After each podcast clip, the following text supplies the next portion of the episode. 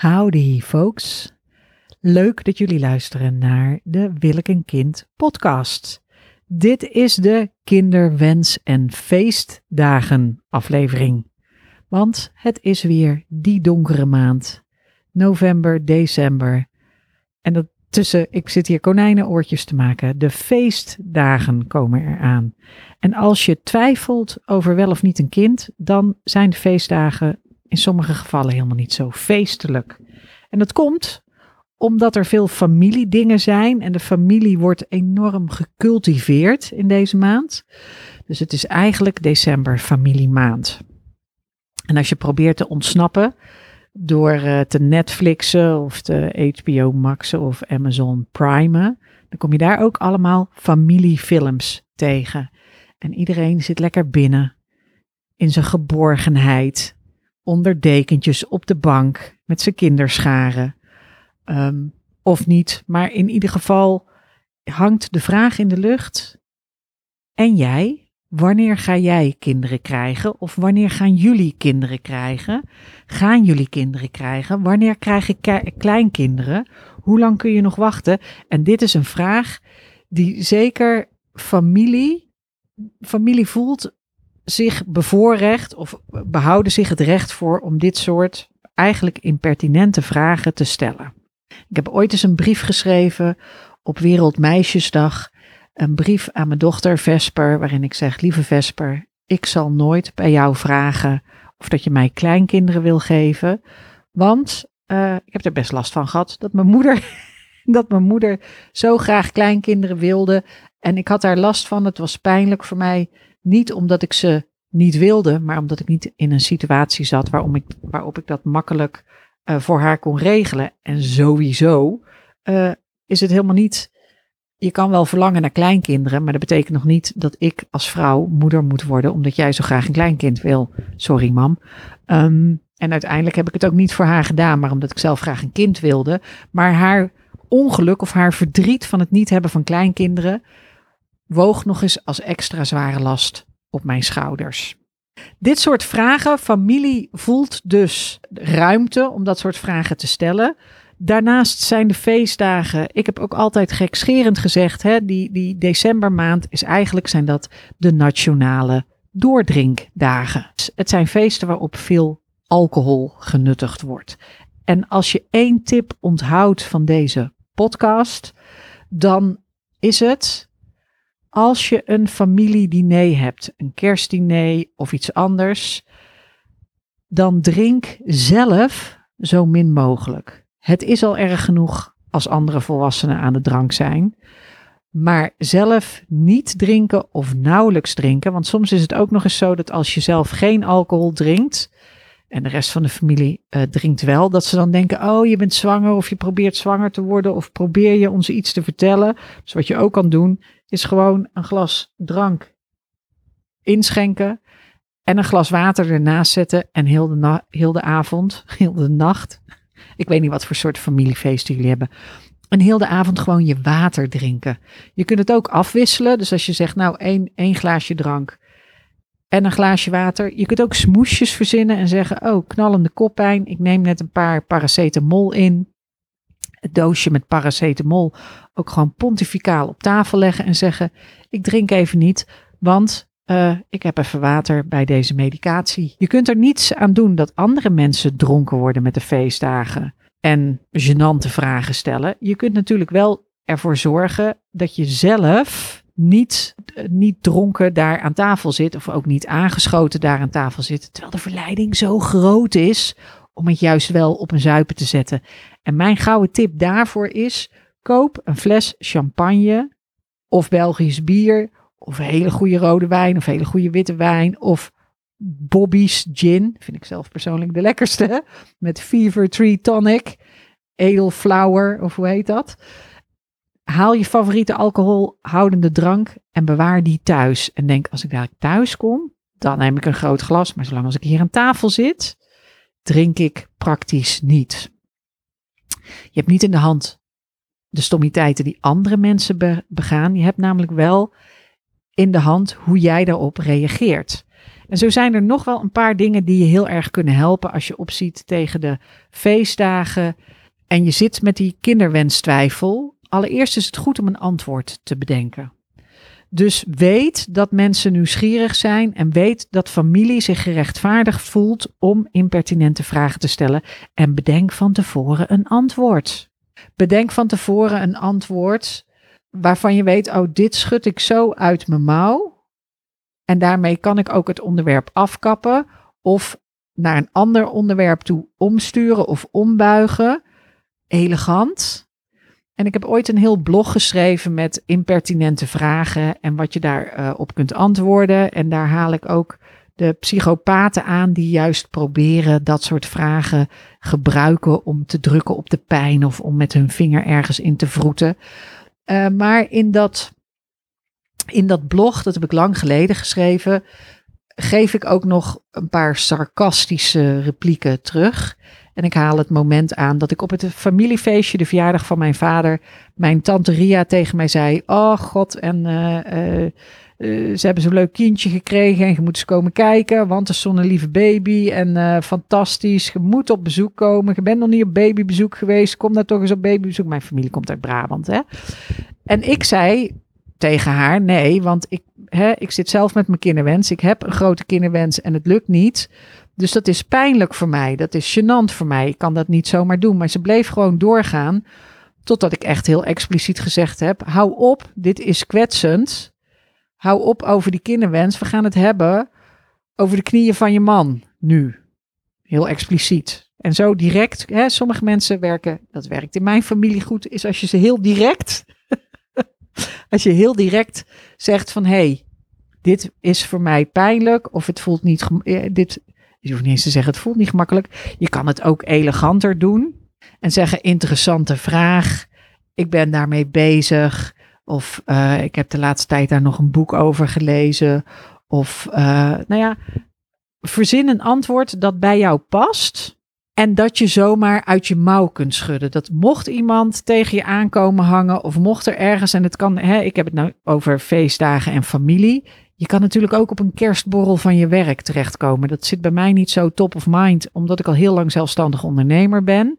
Maar mocht jij op je werk kerstborrels hebben en er dan ook rare uh, situaties zich voordoen, dan bedenk van tevoren wat ga ik zeggen als iemand hierover begint. En geloof mij, je mag ook gewoon je ziek melden. De hele, de hele feestdagen overslaan en gewoon een keer kuchen met een kraakje in je, in je stem spreken en zeggen: Laat maar. Ik, ik, uh, nou, ik kan niet komen, ik ben ziek. Ik denk dat ik corona heb, ik ben hartstikke verkouden. Ik blijf lekker liggen en dan blijf je lekker thuis. En anders bedenk een antwoord. En dan, je kunt altijd zeggen: Ik ben op dit moment daarmee bezig en dat aan het uh, onderzoeken. Maar dat is iets van mij persoonlijk, waar ik nu mee bezig ben. Als ik er iets over wil delen, dan kom ik erop terug. Dus als ik hier iets over wil delen, dan kom ik erop terug. En tot die tijd wil ik graag dat je daar niet naar vraagt. Hè? Dus voel je niet verplicht om met dronken familie en sowieso. Kijk, als mensen een glaasje op hebben en ze beginnen tegen je aan te wauwelen. Ik ben zelf ook wel degene geweest met een glaasje op Stel dat die mensen die hebben geen grenzen meer, want dat doet alcohol, is dat de grenzen vervagen en ze, en ze blijven daar, dan ga gewoon weg uit de situatie. Dan loop gewoon ergens anders naartoe. Ga naast iemand anders staan of zitten. Dus voel je daarin, voel de vrijheid en de ruimte. En wat er dan belangrijk is, soms ben je bang om mensen teleur te stellen. Maar met een leugentje om best wil, kan je prima wegkomen. Dus ziek melden kan altijd. En dan kun je ook nog gewoon bij jezelf denken: ik blijf ook gewoon echt in bed liggen. En ik ga echt gewoon alleen een boek lezen of een filmpje kijken. Of een breiwerk doen. Weet ik veel wat je doet. Of een tekening maken. Of een beetje journalen. Maar ik ga niet naar zo'n evenement toe. En als je er wel bent, kun je dus zeggen: ik ben hiermee bezig, ik ben het aan het uitzoeken, maar ik vind het nu, voor nu prettiger als je het er niet over hebt. Als mensen er niet over ophouden, dan kun je dus ergens anders gaan staan of zitten. Wat daarin veranderd is in, in relatie tot het blog, dat ik nou misschien uh, wel zeven jaar of acht jaar geleden schreef, is dat ik nu minder sarcasme zou beoefenen. Want ik kan nogal uh, van de gevatte opmerkingen zijn. Maar nu denk ik, als iemand ernaar vraagt, dan kun je ook elegant af de, de, het onderwerp uh, afzwenken naar iets anders. Je kunt elegant van onderwerp veranderen. Je kunt heel eerlijk zeggen: Ik wil het hier niet over hebben. En hoe, hoe respectvoller jij de ander benadert, des te beter het afstraalt op jou. Ik weet dat ik uh, heb in een aantal situaties gezeten. Ik heb in een broedplaats, op een broedplaats gezeten waar heel veel kunstenaars zaten die het allemaal met elkaar eens moeten worden, wat niet allemaal het geval was. Ik heb in een woongroep gewoond waar altijd van alles uh, speelde. En wat, me, wat ik daarvan geleerd heb in die uh, decennia dat ik in die, in die groepen heb gezeten, is dat als mensen naar roddelen of vervelende dingen zeggen, hoe meer respect jij blijft houden voor iedereen en hoe netter jij je gedraagt, des te beter dat op je afstraalt. Uiteindelijk is geroddel en um, uh, vervelende, impertinente vragen stellen straalt meer af op de vragensteller zelf dan op jou en jouw situatie. En wat we vaak denken is, omdat het zo'n onderwerp is wat ons na aan het hart ligt en waar we, waar we zoveel mee bezig zijn en waar we zelf zo emotioneel over zijn, is dat we denken dat, het, dat dat voor iedereen zo zichtbaar is. Maar eigenlijk is het omgekeerde waar. Iedereen zit vanuit zijn eigen ik aan tafel met zijn eigen ego en zijn eigen angsten en zijn eigen oordelen en zijn eigen schaamte en zijn eigen onzekerheid. dus het kan best zijn dat jij in een hoek gedrukt wordt door een man die vijf kinderen heeft en zegt van goh, wordt het dus niet, niet eens tijd dat jij ook eens aan de leg gaat, omdat hij thuis helemaal beu is. Weet jij veel, maar als jij dan respectvol blijft en jij kan zeggen, ik wil het hier niet over hebben, ik verander van onderwerp en ik wil ook niet meer dat je ernaar vraagt, dan straalt dat op jou af en dan, dan sta jij er goed op. En als hij nog wel doorwauwelt, uh, dan uh, zegt het alleen maar meer iets over hem. Dat elegant van onderwerp veranderen, daar heb ik, uh, ik ben vroeger, nou ja, ik noem mezelf wel eens de mislukte stand-up comedian voor je kinderwens. En dat is ook zo. Ik heb een tijdje uh, gewerkt, mijn, mijn, mijn, mijn livelihood, mijn levensonderhoud, uh, in mijn levensonderhoud voorzien door stand-up comedy te doen. En ik was vooral vaak de Master of Ceremony. Dat is degene tussen de stand-up comedians in die de boel aan elkaar praten. En dan maak je af en toe een grapje. Je hebt wat interactie met het publiek. Als het publiek opgewarmd is, dan roep je de volgende stand-up comedian uh, op het podium. En als Master of Ceremony heb ik geleerd dat wat je het beste kunt doen, is goed naar mensen kijken. En iets vragen wat je ook oprecht interesseert. Dus als iemand tegen jou begint over die kinderwensen en je hebt geen zin om erover te praten, dan kijk naar diegene en kijk of dat je iets opvalt en zeg dan, uh, interessante vraag, maar daar wil ik het nu niet over hebben. Wat me al een tijdje intrigeert is, zie ik nou goed dat jij drie gaatjes in je linkeroor hebt? Ik noem maar iets. Of zie ik nou goed dat jij uh, uh, volgens mij een tatoeage hebt die ehm, net onder de randen van je boord uitpiept? Ik weet het niet. Ik noem me allemaal fysieke kenmerken, maar je kan ook over iets anders beginnen. Maar probeer dus, als het niet lukt om helemaal van onderwerp te, te veranderen, dan vraag mensen naar iets over henzelf. En vaak beginnen ze dan wel te kletsen.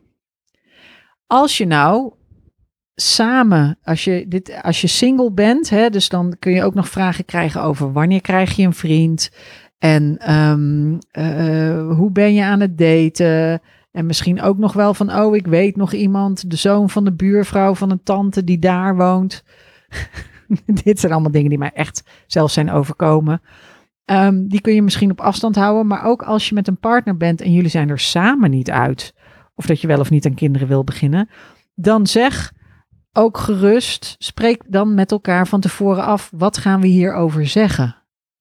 Omdat die familiefeestmaand nou eenmaal een maand is waarin mensen zich gepermitteerd voelen om, om dat soort impertinente vragen te stellen.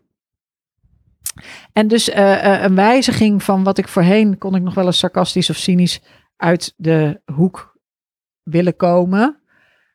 En daarvan denk ik nu, hmm, uh, moet je altijd gelijk hebben of wil je liever dat het een gezonde, gezellige situatie is? En om het gezond te houden zou ik zelf denken, als je verwacht dat iedereen een beetje te diep in het glaasje gaat kijken en dat je denkt, ja, moet ik de boel voor zijn en alvast beginnen met alcohol innemen, zodat ik als eerste laveloos aan tafel lig? Of, en dat lijkt me dus een beter idee, moet ik gewoon helemaal niet drinken of heel weinig drinken, bijna niet drinken, zodat ik als enige nuchtere een beetje regie over de situatie houden. Eigenlijk gaat dit allemaal over regie uh, nemen over die situatie. Het gaat over regie en het gaat ook misschien ergens ook wel over liefdevol zijn. Want in sommige gevallen willen mensen dit gewoon van je weten, omdat ze van je houden en omdat ze willen dat jij gelukkig bent. En dat vind ik ook zo, dat vind ik ook wel een beetje bij de decembermaand horen, is dat hele um, dwangmatige gezellig gaan zitten zijn. Dat, ik heb ook altijd gewerkt met oud en nieuw, want dat vond ik ook zo'n feest. Er zit dan zoveel lading op. En daar zit zoveel, um, het moet gezellig zijn, het moet fantastisch zijn. Ja, zet mij maar gewoon achter de bar. Je krijgt dubbel betaald en uh, aan het eind van de. En, en op 1 januari ben je het friste hoentje van allemaal. En wat jou lukt als je niet te veel drinkt, is dat je in gedachten. kan je nog enigszins een gevat antwoord bedenken of je gelijk bedenken. Maar in de realiteit kan je gewoon de situatie inschatten en dan zo harmonieus mogelijk met de situatie reageren. En ik moet hier aan denken omdat ik woonde met een hele hartstochtelijke, idealistische klimaatactivist in huis, lange tijd. En uh, nou, was een hele lieve, fijne man. Maar hij kon. Hij was altijd bezig met een beter klimaat. Dus als ik aan tafel zat en ik zag in de krant dat een retourtje naar New York City 400 euro was, nou, dan, dan zei ik gewoon hardop: Wow, je kan voor 400 euro op en neer naar New York. En dan zei hij meteen, ja, vliegen is dus super slecht voor het, voor het milieu. Waarom zou je voor dat geld naar New York kunnen vliegen? Belachelijk. En dan dacht ik bij mezelf, oké, jij hebt twee kinderen gekregen, ik heb nog helemaal geen kind. Dus wie van ons twee is er nu slechter voor het milieu? Jij of ik? Maar dat zei ik niet. Dan zei ik gewoon, nou daar heb je natuurlijk ook gelijk in. De gedachte is leuk. Ik vind New York gewoon een geweldige stad ik vind dat, dat het, is zo fantastisch en het voelt net de hele tijd alsof je in een film loopt. In welke film zou jij willen zitten als je er een mocht kiezen? Als het verder niet uitmaakte, als je gewoon Beam Me op Scotty kon doen. En zo, op zo'n manier blijft de sfeer goed. Intern had ik het gevoel dat ik toch gelijk had. Maar de vraag is, wil je gelijk krijgen of wil je dat het gezellig blijft? En ik denk met de feestdagen, je hebt niks aan gelijk krijgen. Daar heb je helemaal niks aan. Je hebt meer aan gezellig, het gezellig houden. En als je denkt, ja, maar dit wordt niet gezellig, dan blijf gewoon lekker thuis. Dus, um, en, uh, en, ik wou zeggen, ga, ga, lekker met jezelf spelen. Maar um, dat hoeft natuurlijk helemaal niet. Je mag doen waar je zelf zin in hebt. Dat geldt dus ook voor de feestdagen. Nou, dit waren mijn tips. Dus Zorg dat je van tevoren weet, oké, als ik hier gezeik over krijg, gezeik, of vragen of opmerkingen waar ik helemaal niet op zit te wachten, met al die borrels en al die feesten en al die evenementen die eraan zitten te komen, wat is dan mijn antwoord? Schrijf het voor jezelf desnoods even op. Spreek het een paar keer uit. Dat mocht iemand je, voel je dan niet overvallen, maar heb een antwoord. Drink zo min mogelijk zelf. En als je denkt van ja, maar ik moet juist drinken, dan zorg gewoon dat je lekkere, kwalitatief goede drank daarna thuis hebt staan. Zodat je op dat etentje zelf of op die borrel zelf de regie blijft houden. En, uh, en tot slot, wil niet gelijk hebben, maar probeer een beetje elegant de, de, de impertinente vragenstellers af te leiden door over iets anders te beginnen. Nou, met deze tips worden het sowieso fijne en gezellige feestdagen. Als je nou denkt van jeetje, ik ben zo emotioneel over die kinderwensen, eh, dit hele vraagstuk en ik weet niet wat ik moet doen. Dan kan je natuurlijk altijd even jezelf opgeven voor de masterclass van Wil ik een kind. Er zijn er een paar eind november dit jaar. En deze podcast blijft natuurlijk eeuwig uh, online staan. Dus als je dit in januari hoort, kijk eventjes op www.willekenkind.nl schuine streep gratis. En dan vind je daar ook de masterclass en uh, de data van de masterclasses. Er zijn er ongeveer drie per kwartaal, allemaal rond uh, in dezelfde week ongeveer zo'n beetje. Want um, in die masterclass doe ik ook altijd een aanbod voor het, een kinderwenskompas traject. Een traject waarbij je voor jezelf duidelijkheid verkrijgt. Dus na het kinderwenskompas is het zo dat als mensen aan jou vragen van goh, hoe zit het met jou en kinderen? Dat je dan heb je je antwoord gewoon uh, zo goed voor jezelf helder dat het ook makkelijk is om dat over te brengen zonder dat je daar emotioneel van wordt en zonder dat het je raakt. Alleen als je, als je geraakt wil worden natuurlijk. Hele fijne feestdagen en tot de volgende podcast.